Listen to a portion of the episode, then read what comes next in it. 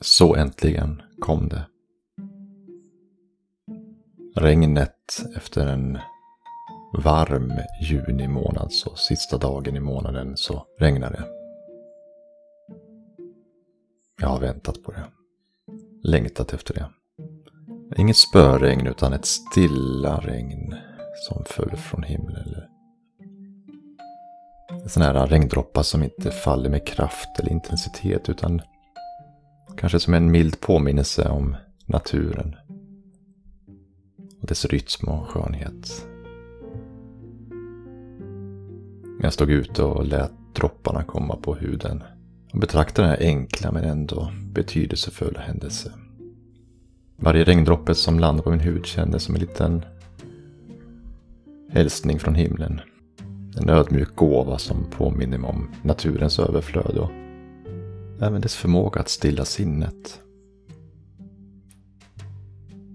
Jag insåg att det här var mer än bara vatten som föll från skyn. Det var en subtil påminnelse om att finna lugnet inom mig själv.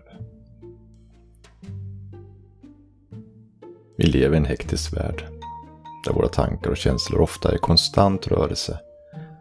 Jagar efter framgång, strävar efter att uppfylla våra önskningar och undvika smärta. Men i det här frenetiska tempot så glömmer vi ofta bort att vara närvarande i nuet. Vi förlorar liksom kontakten med vår själ och kanske naturens väsen. Det här stilla regnet som föll över mig påminner mig om att behovet stannar upp då och vara tyst ibland. Påminner om vikten att lyssna till försiktiga ljudet av regndroppar som träffar marken och vara medveten om det, den enkla skönheten i vattnets dans. Så tänker jag ett steg till och känner att det här stilla regnet inte bara handlar om vatten som fuktade min hud eller marken. Utan det handlar om fuktighet för själen.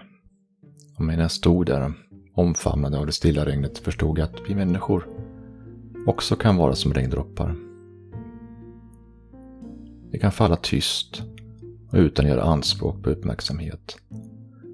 Men ändå berika världen omkring oss. Vi kan vara källan till lugn och tröst för de som behöver det. Vi kan vara bärare av visdom och stillhet i en tumultartad värld.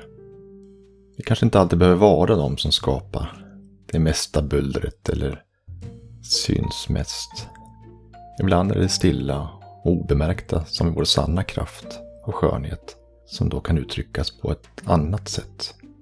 Det är inga nya tankar och någonstans kanske på gränsen till någon sorts flummighet kanske en del tycker.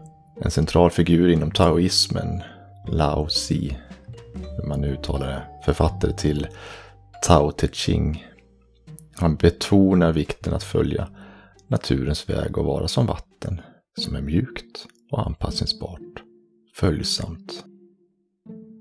Jag tänkte det att vara som regndroppar som faller tyst och obemärkt kan kanske associeras med Laosis uppfattning om att agera i, i harmoni med universum på något vis.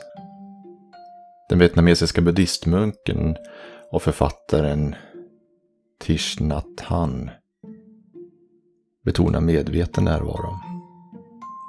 Han talar om att finna glädje och lugn i varje ögonblick och sprida medkänsla och kärlek till andra. Även här kan regndropparna kanske kopplas till hans budskap om att vara medkännande och hjälpsam i världen. Tanken över att vara som en regndroppe gör i alla fall mig ödmjuk inför vår värld och omgivning och kanske också ett sätt att stilla mig något i tanken på att jag måste göra mycket. Det kanske räcker att göra lite eller att finnas där man är helt enkelt.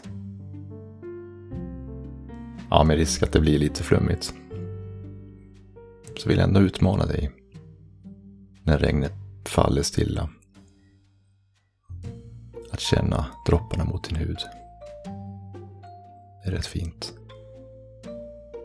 Sköt om dig.